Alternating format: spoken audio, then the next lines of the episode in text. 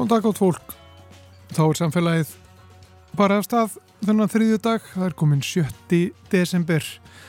Guðmundur Pálsson og Þóruldur Ólastóttir verða með ykkur í þætti dagsins. Verkefni UNICEF, barnahjálpar saminuðu þjóðana, eru mörg og virðast fyrir miður óþrótandi. Samtökinn hafa sendt frá sér ákall þar sem kemur fram að stemt sig að því að ná til 110 miljóna barna á næsta ári. Birna Þóransdóttir, framkvæmtastjóri UNICEF á Íslandi, sest hjá okkur á eftir. Svo ætla að tala við tvo unga umhverfisinna. Það er Sigrúnu Perlu Gísladóttur og Helgu Kvandal. Þeirra fara á ráðstefnu saminuðu þjóðana um uh, samningin um lífræðilegan fjölbreytileika COP15. Svo ráðstefna var sett í dag.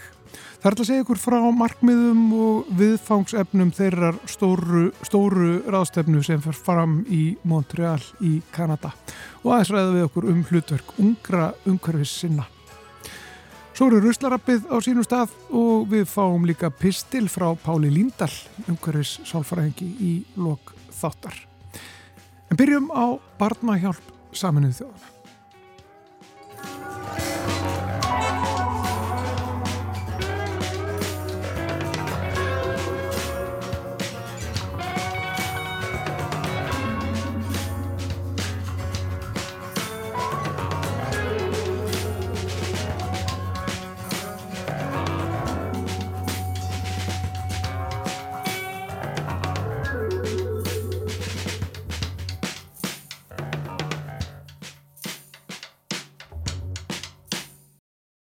Þá eru sest hérna hjá mér Birna Þórarensdóttir sem er framkvæmdastjóri barnahjálpar saminuðu þjóðana á Íslandi, UNICEF, verður velkomin til okkar. Takk fyrir. Uh, UNICEF var núna að senda uh, frá sér já, ákall, uh, eins og það er kallað. Það er talað um það að nú þurfi að ná til 110 miljóna barna á næsta ári. Getur þú sagt okkur frá því hvað færst í þessu ákalli ykkar? Já, þetta er svona sagt, ákalli sem kemur núna er þá mat UNICEF á þörfinni fyrir uh, neyðar og mannúðar aðstóð á næsta ári. Uh, þannig eru þá að tala við, við, um viðbröð við uh, bara hreitni neyð sem skapast. Þetta getur verið út af stríðsástandi, náttúruhamförum, út af loftslagsbreytingum og ímsu uh, öðru farsóttum sem er að breyðast út sumuleiðis og, og það er þarna mat UNICEF að fjárþörfin til þess að mæta þessu sé um það byrj 1500 miljardar króna, svona cirka bát og þá erum við bara að tala um viðbrað UNICEF við neyð barna á næstáru. Hér eru við ekki að tala um bara langtíma uppbyggingu að byggja upp uh, skóla og heilsugæslur og, og, og barnavend og, og vinna að, að langtíma þróun í löndunum. Hér eru bara að tala um viðbúna við neyð. Já, viltu nefna þess að tölu aftur? Þetta eru 10 miljardar dollara sem ég held Já. að útleggist einhver stað nálægt, læriðtum ef ég rámt fyrir mér, 1500 miljardar króna. Já, Já, þetta eru mjög háar tölur. Já. Já. Og hvernig uh, leysiði þetta mál? Þetta er bara, sko, UNICEF hefur, uh, er bara með umboð frá saminuðu þjóðunum að tryggja réttindi allra batna út um allan heim. Þannig að uh, batnahjálp saminuðu þjóðuna hefur ekki annað val en að bregðast við þeirri neyðbatna þar sem hún myndast hvar og hvena sem er. Og vegna þess að UNICEF er í langtíma uppbyggingu í Londonum, eins og ég var að tala um þessari langtíma uppbyggingu sem við viljum vera í, að þá er uh, viðbúnaður til staðar uh, áður en neyð myndast og meðan hún er uh, yfirstandandi og svo eftir að henni líkur.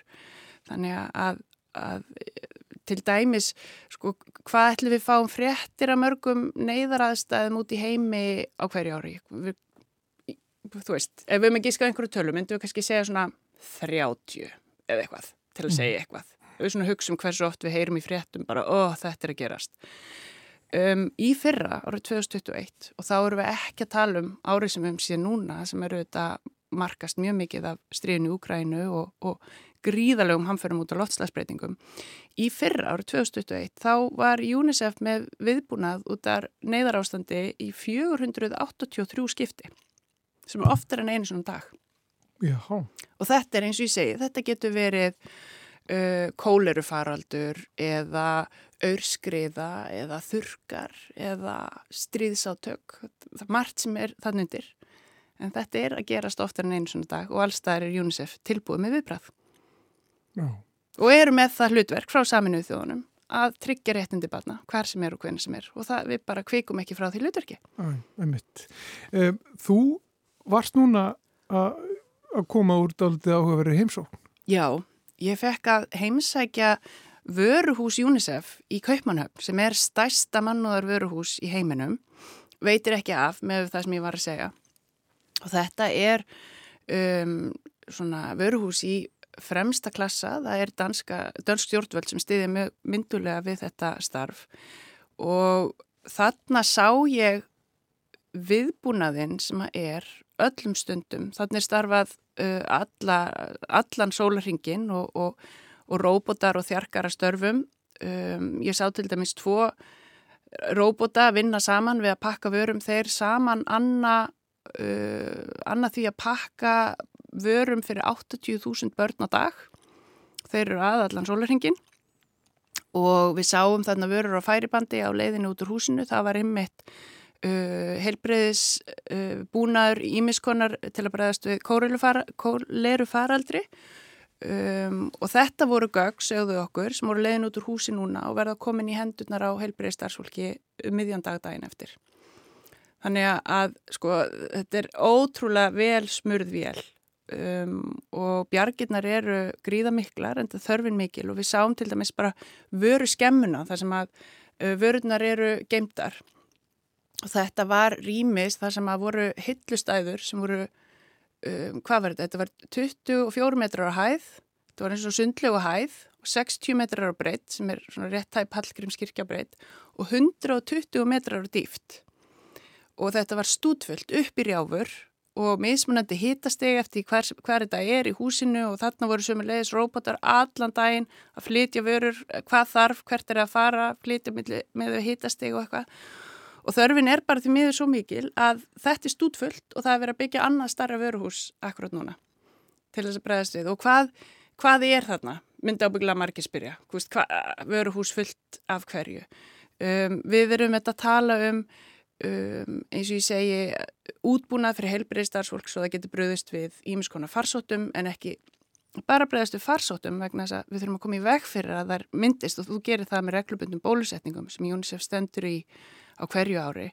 Um, bólöfni sjálf er ekki geimt í vöruskemminu vegna þess að það er bara flutt beint frá framlegenda á staðin en á hverju ári er þetta um, held í 2 miljardar bólöfnaskamta sem að fari í gegnum sagt, kerfi UNICEF og svo er það, eru um helmingur allar barnabólusettur af UNICEF og samstagsæðalum. Um, þetta er líka uh, næring fyrir vannar börn, við erum þetta að sjá því meður ofsalega uh, mikla vannæringu uh, í mjög mörgum ríkjum af, ímsum ástæðum, auðvitað loftslagsbreytingar er að hafa mjög mikil áhrif en svo líka um, bara mikil fátækt, um, hrun innviða, um, þannig að, að við erum til dæmis að dreifa netu smjörsmauki getum við kallað og þarna komum við inn á kannski eins og hvað er UNICEF á Ísland að gera. Við erum sagt, með þessar, þessar sannar gafir sem að fólk getur keift ef fólk eru að hugsa hvað get ég gert? Og, og það er þá hægt að, að kaupa bara beint til dæmis uh, jarnnetumauk og ég kom með hérna fyrir þig og það er Já. erfitt fyrir útvarslustendur að sjá hvað ég með en þetta er bara svona lítil plast uh, pingja, þetta er um tæp 100 grama þyngd og þetta er í grunninn er þetta hnetusmjöl. Þetta er bara jarnhettumauk en það er uh, bætt með sigri, brá, ég fekk að smakka til kaupmanöfn og mér brá svo mikið, þetta er svo hrigalega sætt að ég var í sigursjokki bara það sem eftirleiðu dagsins og maður ekki veitir af vegna þess að þú getur lækna bann að bráðri vannæringu með tveimur til þremi pökkum af þessu í fjóru til sex vikur og ekkert annað. Þú þarf ekki að vera að mixa eitthvað mög að búa til einhverja blöndur eða eitthvað. Þú gefur barninu bara þetta hnittusmjörsmög, það er bætt líka með oljum og steinarnum og vítaminum eins og þau getið ímyndað ykkur. Og mér var svolítið gaman að koma staði í kaupanöp, sögðu okkur líka frá því að, að vegna þess að e, bráða vannaring og rýrnun, hún hefur áhrif á, á vitsmunna þróska barnana líka. Þú veist, þetta er ekki bara líkamlega áhrif, heldur er þetta skerðing, vitsmunnu skerðing sem þau getur búið með bara alla æfi, líka ef þau verða fyrir uh, vannaringu meðan þau eru móðukviði. Um, og það sem er verið að gera núna vegna þessi, þessi netusmjörspakkar eru bara aðfendir í svona viku skömmtum til foreldra um, að þá eru það að endur hanna umbúðunar þannig að það er sér hægt að nýta í þróskarleikving fyrir börnin. Þannig að þau eru núna að hugsa hvernig er best að útbúa þessar pappa umbúðir, þú veist, eigum við að gera kuppa sem hættir að stapla eða þú veist hvað. Þannig að það er verið að reyna að mæta börnunum á margskonar hátt og mæta þessum þörfum þeirra á ímsavegu. Annað, ég kom líka með blíjant fyrir útvarslustundur, þá held ég hérna bara mjög vennilegum bláum blíjant. Um, ekki mikið fyrir augað, en UNICEF er stærsti einstakki kaupandi blíjanta í heiminum. Það er bara engin í heiminum sem kaupir jafnmarga blíjanda á UNICEF og kannski er það hluta ástæðinu fyrir því að við þurfum svona stort vöruhús. Um, en UNICEF pakkar og sendir uh, skóla í svona áltösku út um allan heim og það er til dæmis hægt að kaupa svona tösku, þetta kostar bara 25.000 krónur og með þessu ertu með skóla fyrir 50 bönn. Um, af hverju þurfum við skóla í tösku? Jú, til dæmis í Úkrænu, þar sem að, að uh, hundruði skólabygginga hafi verið uh, skemdar og eðalaður í stríðinu og það er búið að færa kennslu og frístundastarf með bönnum og leikskólastarf niður í neðanjara lestinnar, þar sem eru öryggi að þá getur við flutt búna þangað. Við getum líka hort til Pakistan þar sem við erum að sjá þess að gríðarlegu hamfari, við, við getum bara hreinlega ekki ímynda okkur hamfararna sem átt sér stað þar. Fjöldi skóla sem hafa skemst eða bara hreinlega skólast burt í flóðunum í Pakistan í sumar eru 27.000.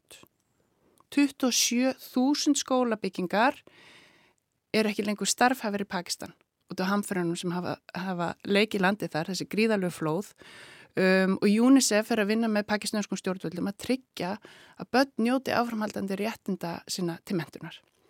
Þannig að uh, þarfinnar eru miklar en, en við á Íslandi við getum lagt þessu starfi lið og meiri segja núna í jólaháttíðinni um, sérstaklega kannski við erum að hugsa hvað ég gefa manneskinu sem á allt.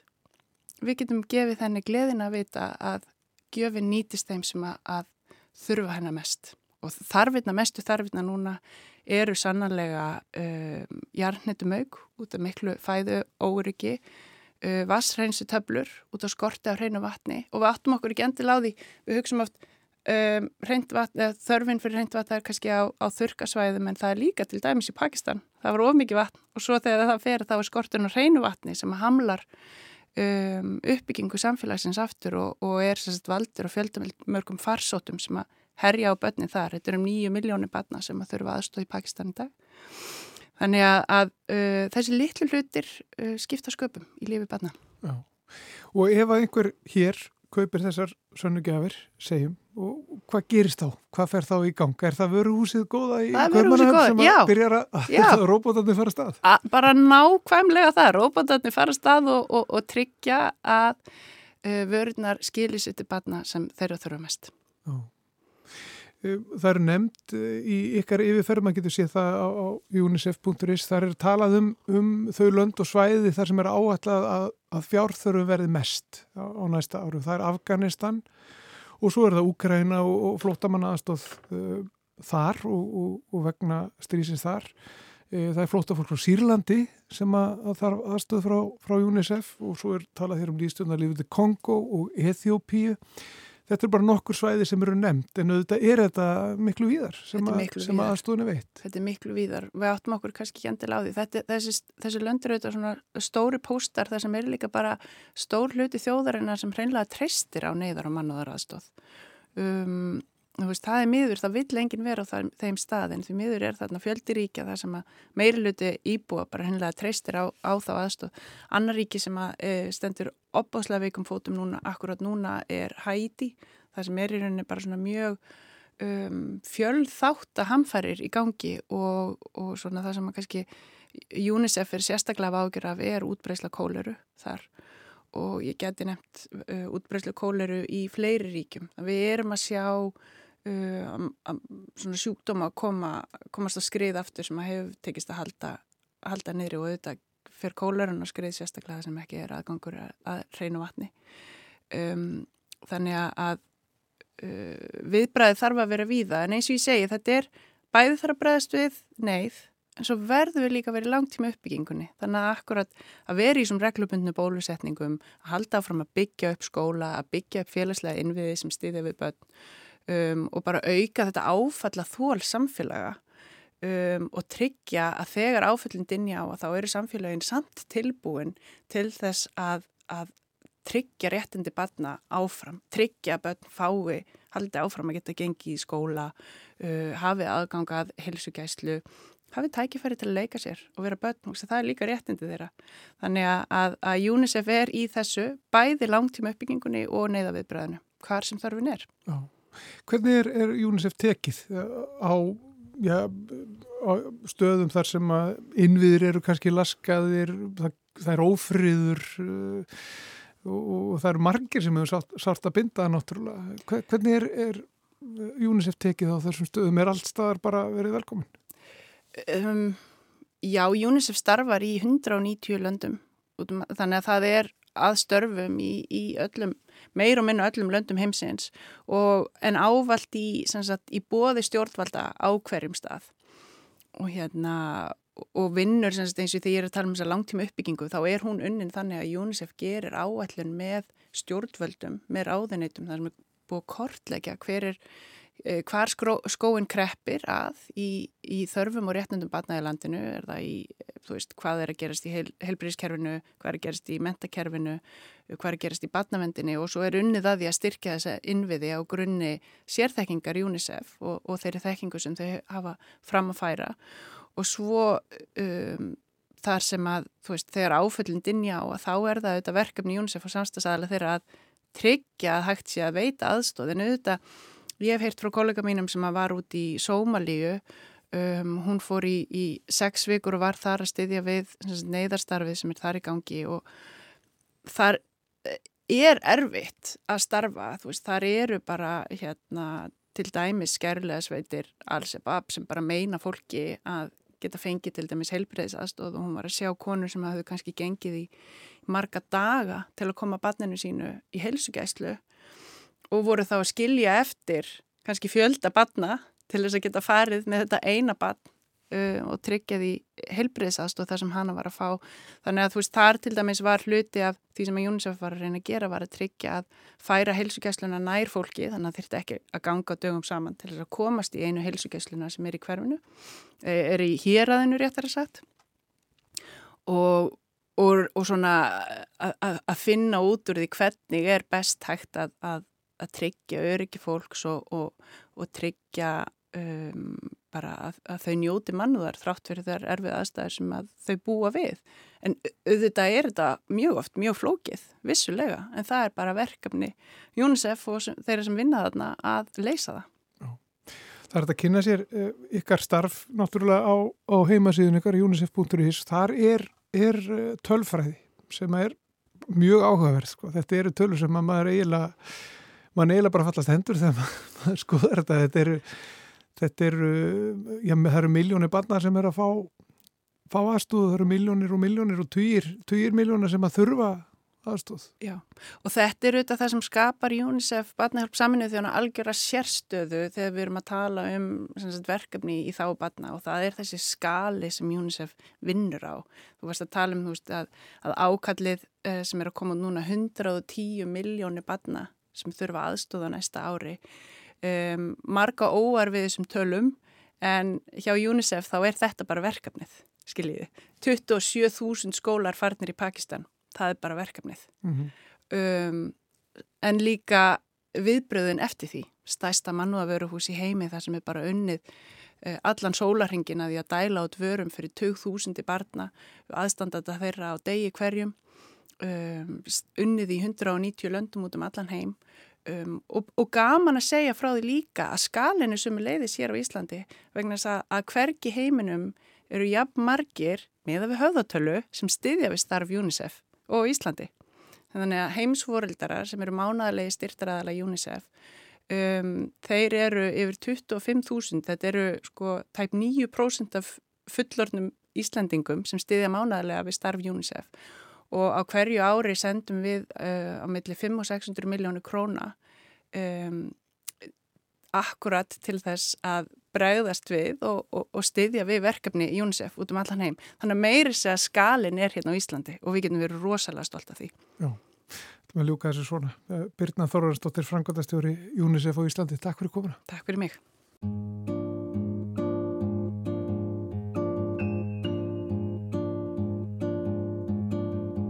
Er steinn, það er stígur, það er fáfarinn vegur, það er vissnandi stilkur, hann er einmannanlegur, það er sprunga í gleri, það er líf, það er sól, það er nótt, það er flútti, það er þögn, það er skjól, það er blómstrandi engi, Það er útskorin viður, klokka og kerti, það er lítill játt smiður, það er bygglaður lúður, það er gammal ósíður það er ráðgáta sem lífsins, snýr upp eða niður. það er gustandi gustur og gaulandi kviður, er stríð, það er friður. Það er rignandi rigning og minningum yður, róm fölnar og hverfur í haustlæðar kviður. Það er gólf, það er tá, Það er endalus ganga, það er fjúkandi strá, fáina rósi sem ánga smá fuglar að leið. og páfugla steig. Það er ströymur og lind, Það er djúb vitur eig, það er allt sem þú vildir, það er fáfarinn vegur. Það er móðgunar svipur, hann er einmannalegur, það er fíbl, það er nagli það er mórat, og bjór, það er drjúbandi, dropi það er kórat, og kóm. það er örmagna hjarta, Spikfeitur peninga tekki, það er rísandi sól, vonandi rapar hún ekki. það er eldur, það er dagur, það er ég og þú bæði, það er brotinglar flaska, það er jarðsprengju svæði. Það er lán fyrir húsing, hver til þess að gleðja, það er pippastur kakki, það er leðja, það er leðja. Það er slóð, Það er brú, lukkunar hjól, það er nýgandi sól, líkt og vindar að hlusti feikja burt við sem mig. Það er fyrir heitt lífsins í hjartan á þér.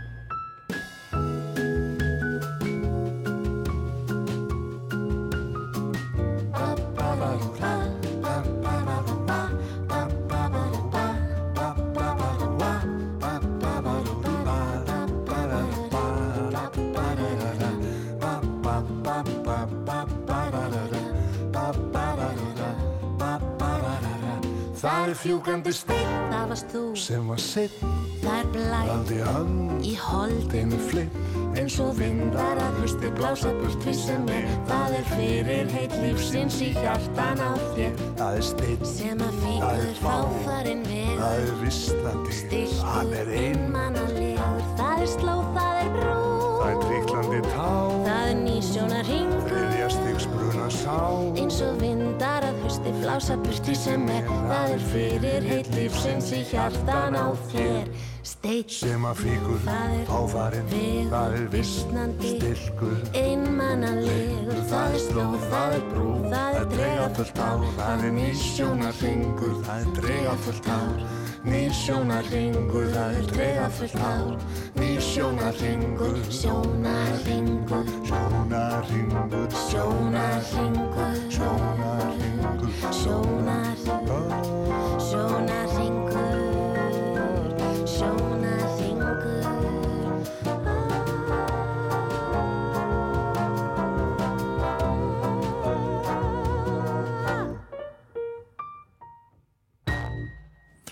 Sigriður Tólasíus og Sigurður Guðmundsson þarna á ferðinni með lagið Vindar að hausti, lag frá árunu 2018. Í dag verður formlega sett ráðstefna saminuðu þjóðana um uh, samning um líffræðilega fjölbreytni. COP15 er þetta kallað, við vorum að tala um COP27 núna fyrir ekkit löngu síðan sem er loftlagsráðstefnan. Þetta er ráðstefna um, um uh, líffræðilega fjölbreytni. Og eins og uh, á loftlagsrástefnunni þá eru ungir umhverju sinnar uh, áberandi þarna. Og uh, það eru sestar hérna hjá mér Sigrún Perla Gísladóttir og Helga Kvandal sem eru fulltrúar Íslands á þessar rástefnu, ekki farnar út en á leiðinni. Verið velkonar til okkar. Takk fyrir. Getið þið byrjað að segja okkur bara frá uh, hvað stendur til? Þetta er stóra mikið rástefna. Já, sko, hún er gífulega stór og eh, sko hefur verið talað um að það þarf að ná í rauninni svona markmiðum sem að uh, jafnast á við Parísarsáttmálan í lofslagsmálum sem að gera 2015 uh, af því það þarf að fara hérna já, bara huga meira að líffræðilegri fjölbreytni og öll löndi heiminum þurfa að taka þátt í þessi markmiði til þess að draga úr bara þeirri sko eðileggingu sem er eiga sér stað. Já, og þetta hangir náttúrulega saman við loslasbreytingar þar. Já, þetta gerir það og er svona ekki síður uh, stór og mikilvægur samningur eins og lofslagssamningurinn uh, er. Og við á Íslandi höfum verið aðilars frá uh, undirreitin hans 1992 og það eru öll land heims fyrir utan tvö sem eru aðilara sem samningi. Þó að það veitir kannski ekki, ekki ná margir af honum. Við svona erum sjálfar bara tiltölulega nýbúinur að kynast honum en, en búin að svona grúska eins í því að þetta er, þetta er svolítið stort mál um, sem við þurfum að, að fara að bæta okkur í. Já, og getið tekið saman aðeins bara hvert verkefnið er þá? Já, þetta snýst um, uh, sko, þetta er þetta ótrúlega óheppilegt hvað þetta er óþjált orðalega á íslensku, líffræðilega fjölbreytni um, en þetta er það sem önsku er kallað biodiversity og snýst um sagt, uh, tegundir uh, plantna og dýra á jörðinni uh, sem hafa farið uh, hriðfallandi og fækkað eftir því sem maðurinn hefur tekið, uh, ef ég má segja, yfir jörðina. Um, þá höfum við okkur tekist að útrýma þá nokkrum öðrum tegundum og, og fleiri margar er í útrýmingar hættu uh, og þetta eru líka tegundir sem að hérna, uh, gagnast okkur líka en ekki að það skipta endilega mest en það er að gera það. Uh, þannig að þetta er ekki bara fyrir sko dýrana vegna, er, við erum líka bara alveg eins og í loftarsmálunum að bjarga sjálfum okkur en, en það er samt að þetta er líka fyrir já, tegundirnar sjálfar. Já, einstakar tegundir er allar hluti af stærra vistkerfi og vistkerfin er svo bara gegna svo ótrúlega mörgum hlutverkum uh, á jörðinni og um, án þeirra eiginlega bara fungerar stóra apparati sem jörðin er bara alls ekki. Og sérfræðingar hafa verið að vara við því núna í þó nokkur ár um að við séum jafnvel að sko eiga við sjöttu stóru svona massa útrymmingu á jörðinni sem er náttúrulega eiginlega bara það stórst að maður næri ekki utanum það en það þarf allavega auglúslega mikið um, að breyta til. Já. Og verkefni er að finna leiðir til þess eða hvað? Já Já, uh, hvernig, hvernig ríki heims geta komið sér saman um eitthvað áallanir um þetta, hvernig það ætla að fara því og, og vonandi hérna lofarð um hverju þau ætla að ná. Og þá fyrst er kannski eftir að fara að vinni í því uh, hvernig. Já.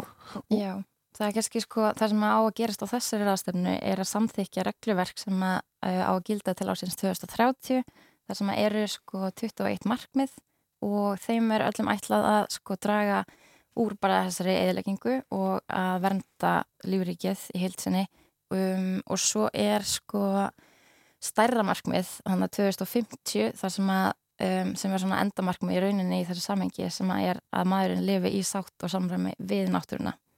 En þetta er svona fyrst skrifi í áttina því að það þarf að grípa til að gera uh, strax.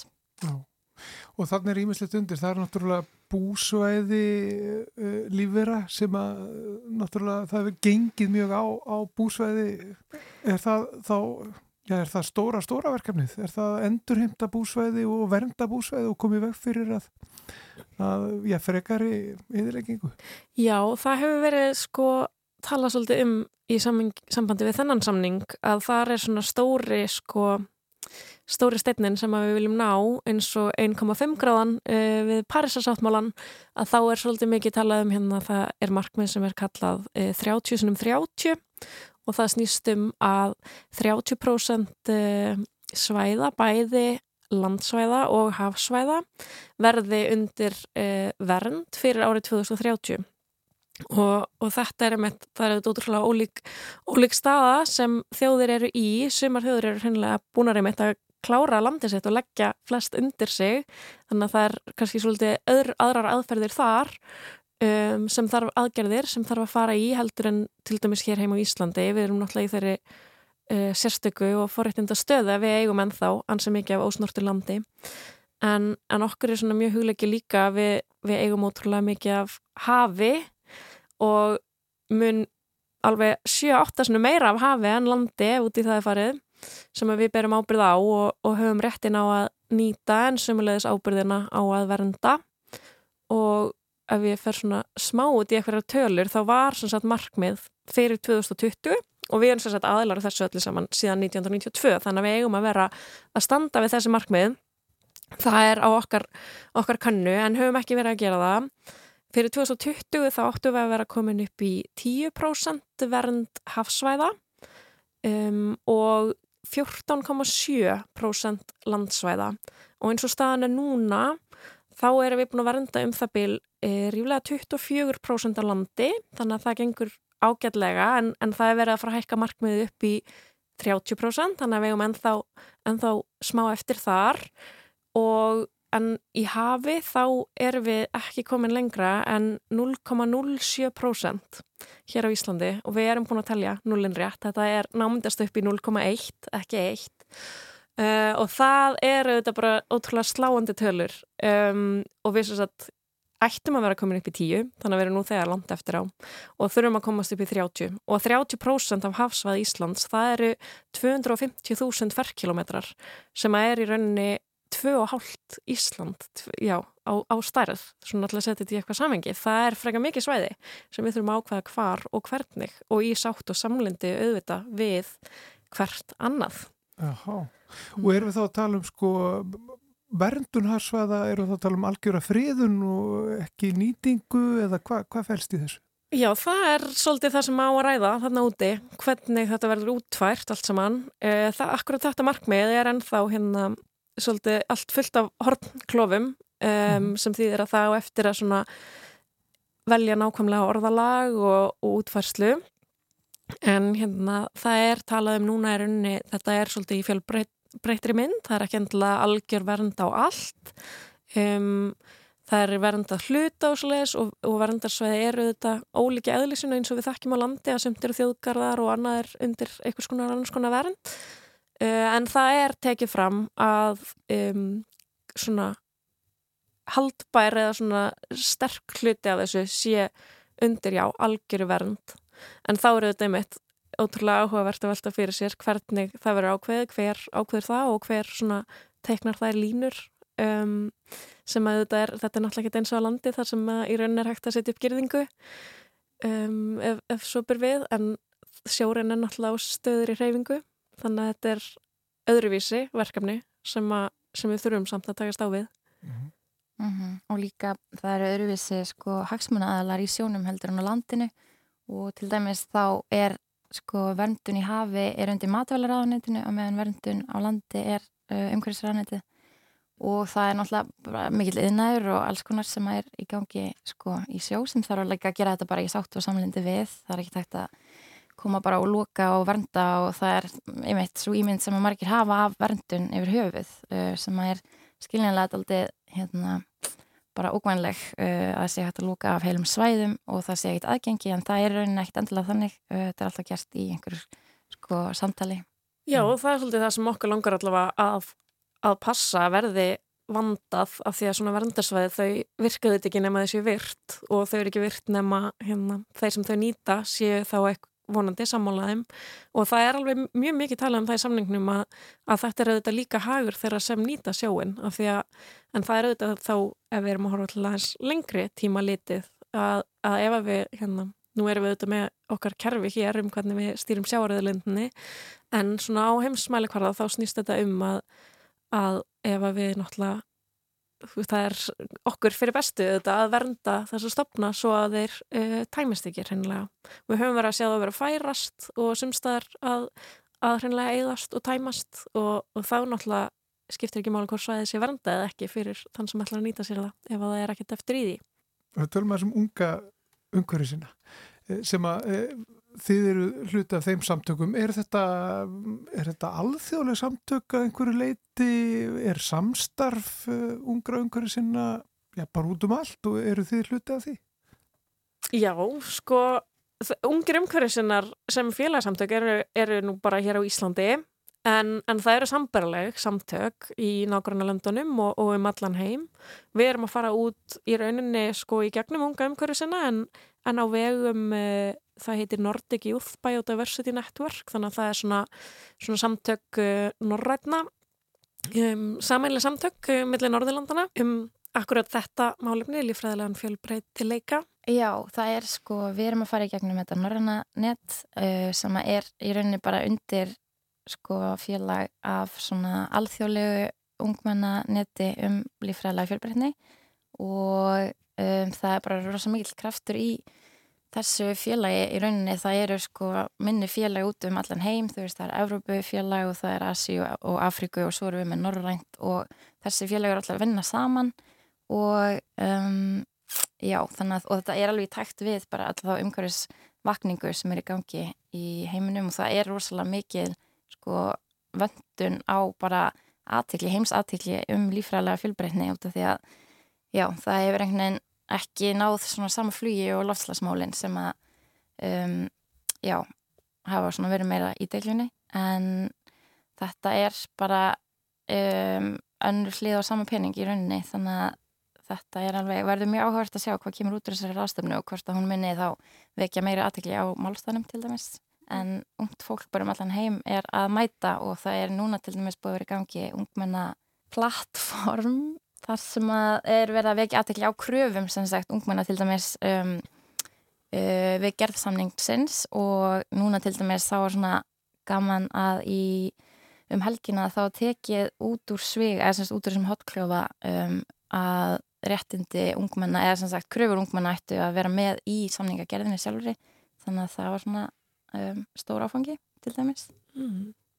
og, og já, við ungir umhverfisinnar við hérna erum bara svo heppin og lánsum að hafa í okkar starfi kynst bara fólki og samtökum út um allan heim. Þannig að síðan koma ég mitt bóð til okkar uh, og, og núna var það þannig að það var enginn frá Íslandi í, í þessu netverki en og það, er, það voru komnir aðilar frá öllum Norðurlandunum e, og með hérna, færiðum og álandsegjum og grænlandi þar með talið. Um, þannig að já, við erum ótrúlega spenntar og bara frábært að það sé haft samband við unga umhverju sinna því við erum, til þess erum við til að gefa ungu fólki hérna, pall til að taka þátt og hafa áhrif. Já, sko það er ungir umhverju sinna hafa verið ábyrgandi núna í einmitt allri, allri umræðu um umhverjusvend og, og mikið náttúrulega tengslu lofslagsmálinn og voru ábyrjandi núna á, mm. á lofslagsrástefnunni um, er þetta breyting sko, er eitthvað, er eitthvað að gerast? Er ung fólk einhvern veginn að stíða fram núna bara að segja stopp uh, þetta, er, hérna, þetta er okkar hérna, málstæður við ætlum að að koma okkar á framfæri. Og af hverju er það núna að gerast? Já, það er mjög góð spurning sko, ég held að þetta sé svona kokteil af ymsu en við erum bæðið bara búin að leggja e, þau sem eru í ungum umhverfisunum og hafa kannski verið í svolítið tímasum eru búin að leggja bara ótrúlega miklu vinnu á sig og ótrúlega hart að sér í þessum málum sem að ég held að hafi e, alveg klálega e, hjálpað við að auka svona aðdegli og meðbyr. En en á saman tíma þá er það þetta síðan bara snjóbolti sem kannski fer að rulla og það eru fleiri og fleiri sem, sem koma með og sem þóra að hérna, tala og, og til þess var allavega þessi leikur hjá ungum umhverfisinum gerður. Um, þannig að það er frábært en einmitt já á heimsvísi þá er meiri vitundavakning og við sjáum já það eru krakkar út um allan heim að taka þátt og ungt fólk. Um, mér finnst líka aðtilsvert þetta sem Helga var að tala um að, að það eru þessi já, 3000 ungmenni búin að koma sér saman um eitthvað svona stefnu eða, eða svona punta sem þau standa við og áherslur fyrir eins og þessa ráðstefnu. Og, og það er svona eitthvað sem ég fundið allavega okkar vinna, ég mitt að við erum að vinna þvert á löndum allan heim og, og ég fór sjálf á lofslagsráðstefnuna í fyrra og manna mér fannst eftirminnilegast eiginlega að hitta fólk frá löndum sem að ég vissi ekki eins og verið til. Og, og það verðist vera að unga fólkinu, unga fólkið áfrekar auðvelt með að sammælast. Það af því að við hérna síðan er þetta alltaf rosalega flókið og tekur tíma að koma í gegn og um eitt losa um hortklófa en en unga fólkið virðist svona að vera ansi mikið á sömu síðu og ekkert vera að flækja málinn sko. Þannig að það er spurning hvort að, hvort að þau sem séu við stjórnvöldin geti lært eitthvað af því eða hvort þau hafi hugur ekki til þess. Já, ég held að sé kannski hægt að segja bara unga fólki líka uh, þorir meðan aðri þeia þú veist og það er komin þreita í fólk, sem sagt ungt fólk að býða eftir aðgerðum frá þeim sem eru valdhafar. Og það er ekki verið að gera nóg og það þarf að gera meira. Og uh, ungt fólk er minna bundið af alls konar hagsmunum og það sér hlutina bara meira kannski svart og hvítu í þessu samengi þannig að um, já, það er bara fólk vil aðgerðir og þær eru ekki að sjást eins og staðinu núna. Þannig að það er bara mikið sko, mikið bara ákall eftir, eftir einhverju meira og betra Já og þá þarf að láta sér heyra þið ætlaði að gera það uh, ráðstefnan sett í dag í Montreal eða ekki? Jú. Í Kanada? Já. Uh, Hvernig farið þið? Ég fer á förstu daginn. Já, ég fer á mánudaginn, klára skólan fyrst og fara svo. Já. Hún er stendur í alveg tvær vikur og verður kannski meira þess að framlengd eins og við sáum á loflas ráðstefninni að fyrir eftir hvernig gengur. Mm -hmm. En við hérna ætlum að til, mæta og vera með læti. Já, við vorum bara að þetta gangi að sama vel, við séum bara góða ferð. Takk fyrir. Gangi ykkur vel á uh, COP15 ráðstefnu saminuð þjóðuna um samning um líffræðilega fjölbreytni. Ráðstefnu sem hálst í dag. Sigrún Perla Gísladóttir og Helga Kvandal. Takk fyrir þetta. Takk fyrir.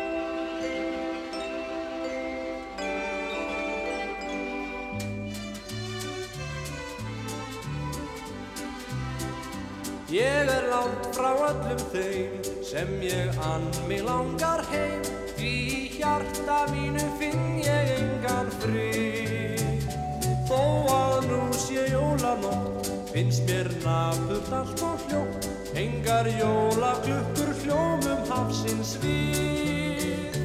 Það er kallt, er kvöldarar, veðjur berast heimana. Og þær ylja um hjarta þó látt ferist frá. Og í huga fer ég heim og held jól með öllum þeim sem ég kærast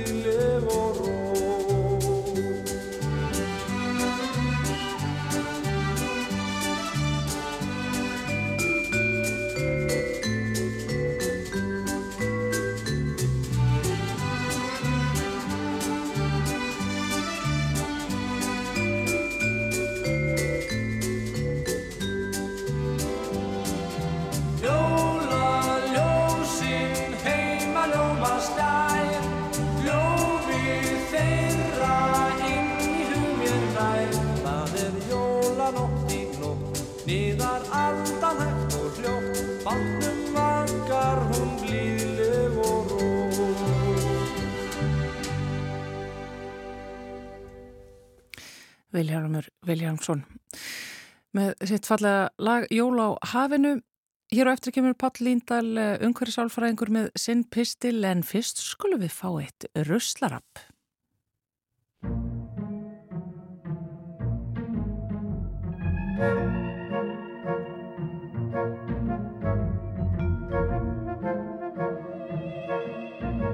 Ruslarappið farið af stað er í samfélaginu Eirikur Örð Þorstensson hjá Sorpum, sérfræðingur þar í fræðslu og miðlun sestur hjá okkur og ætlar að svara fyrirspurt frá hlustenda sem að spyr Ákvöru er okkur neytendum ekki gert auðveldara fyrir að losa okkur við feiti og ólíu? Akkurat, þetta er endar svona náttúrulega mismöndi eftir hvar maður býr á landinu. Ég held að hérna íbúar á Akureyri þekki þetta vel að það er hægt að skila mataróli á, á grendastöðum eða grendakamum.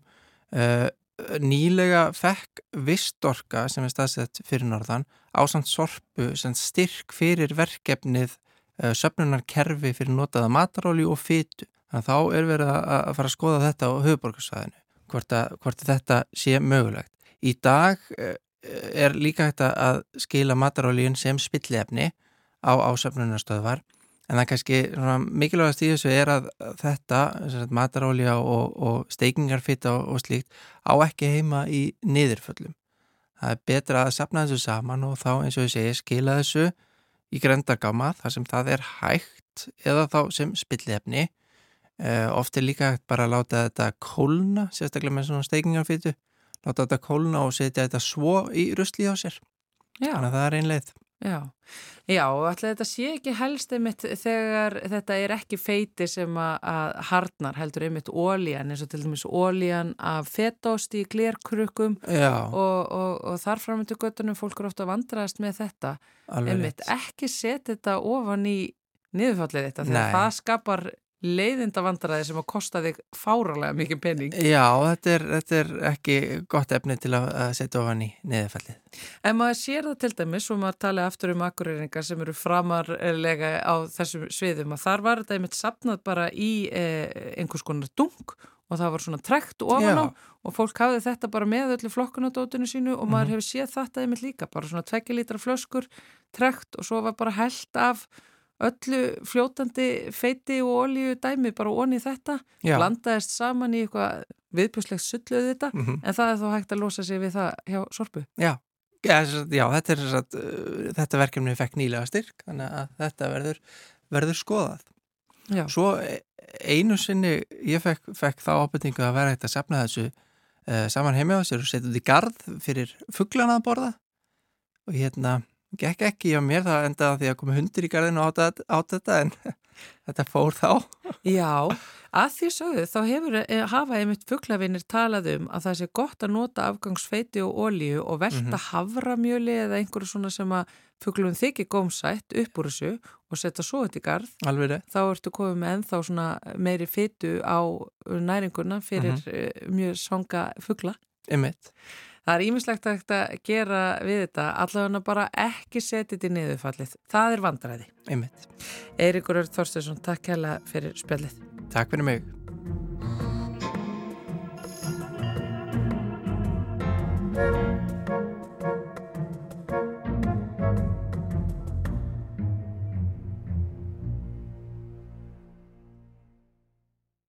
Núna eru jólina nálgast. Tími Veslunar er runnin upp Jólaverslunin eikst dag frá degi. Dagur einleipra er nýliðin sem og svartur föstudagur og rafrætt mánudagur. Það er og hafa verið ærin tilefni til að rýfa upp veskið eða síman og kaupa, of með góðum kjörum, hluti og þjónustu sem við telljum okkur trúum af okkur vandi eða aðra vandi. Með tilkomu netverslunar sem hefur svo sannarlega vaksið fiskur um hrygga á undarförnum árum höfi greiðari aðgang að meira vöru úrvali en nokkuru sinni fyrr í veraldarsögunni. Við smellum bara á nokkra hnappa á tölvuskjánum eða á símanum til að velja það sem hugurinn gyrnist og greiðum með rafrænum hætti án þess að sjá nokkur tíman svo mikið sem þúsund krónaseðil eða tíu krónu pening. Í ljósi þessar þróunar og þeirra þægjenda sem þessi vestlunamáti býður upp á hafa margir veld fyrir sér þróun vestlunar í raunheimum. Þessu fyrirbæri sem gjarnan er kallað búð og byggist á því að í tilteknu rými megi finna tilteknar vörur og að maður verði að sækja þetta tiltekna rými heim til að geta séð, upplifað og keft þessar tilteknu vörur. COVID-faraldurinn með öllum sínum takmörkunum og lokunum ítti enn frekar undir þessar vangaveltur og sáu jafnvel einhverjir fyrir sér að vestlanir í þeirri mynd sem við höfum þekkt myndu leggja upp laupana í umvörpum. Að þinn almenni borgari myndi einfallega ekki sjá tilgangin í þeirri fyrirhöfn sem fælst í því að fara í eigin personu út í búð þegar að vestla mætti sömu vörur með rafrænum hætti við eldúsborðið eða í hægjendastólunum og fá þar sendar heim. En við mannfólkið erum ólíkinda tól Því eftir að COVID-faraldrinu lauk og hömlum var aflétt, hefur vestlun í raunheimum svo sannarlega tekið við sér. Þvert á spátoma og vangaveltur og þvert á það eðli okkar að vilja almennt spara okkur sporin og fyrirhöfnina, þá teljum við það ekki eftir okkur að þeysast út um kvipin og kvappin í leitað einhverju áhugaverðu, einhverju spennandi, nýju og að sjálfsögðu algjörlega ómissandi sem við getum keift. Við erum því aftur komin í búðirnar, við erum aftur komin í vestlunarmiðstöðarnar. Vestlunarmiðstöðar eru áhugaverð fyrirbæri, en sangvað skilgerinningu Kotler og Armstrong er um að ræða samsam búða sem komið hefur verið upp á tilteknum stað sem sérstaklega er hannaður og þróaður sem ein heild og lítur einni stjórn. Í flestum tilvikum er um að ræða yfirbyggða göngugötu sem umvafin er þéttu neti verslana og þjónustu og þess vandlega gætt að í götunni og í raun byggingunni allri í hilsinni ríki andrúsloft og eða stemning sem ítir undir að fólk versli. Þessi tegund vestlunamiðstöða sem kalla má umlikjandi vestlunamiðstöðar eða enclosed shopping malls á ennsku er ekki íkja gömul en svo fyrsta kuð hafa verið Southdale Shopping Center í Edina í Minnesota í Bandaríkjónum sem opnu var árið 1956. Mikil og flókin sálfræði er í kringum þessa tegund umhverfis. Þar sem allskins vísbettingum, upplýsingum og hugmyndum er dreift og þeim ætlað að hafa áhrif á okkur og ná þessar fortölur og merkasendingar langt út fyrir veggi vestlunamiðstöðarinnar. Sterk skilabóð eru send til okkar gegnum arkitektur og hönnun verslunarmiðstöðana.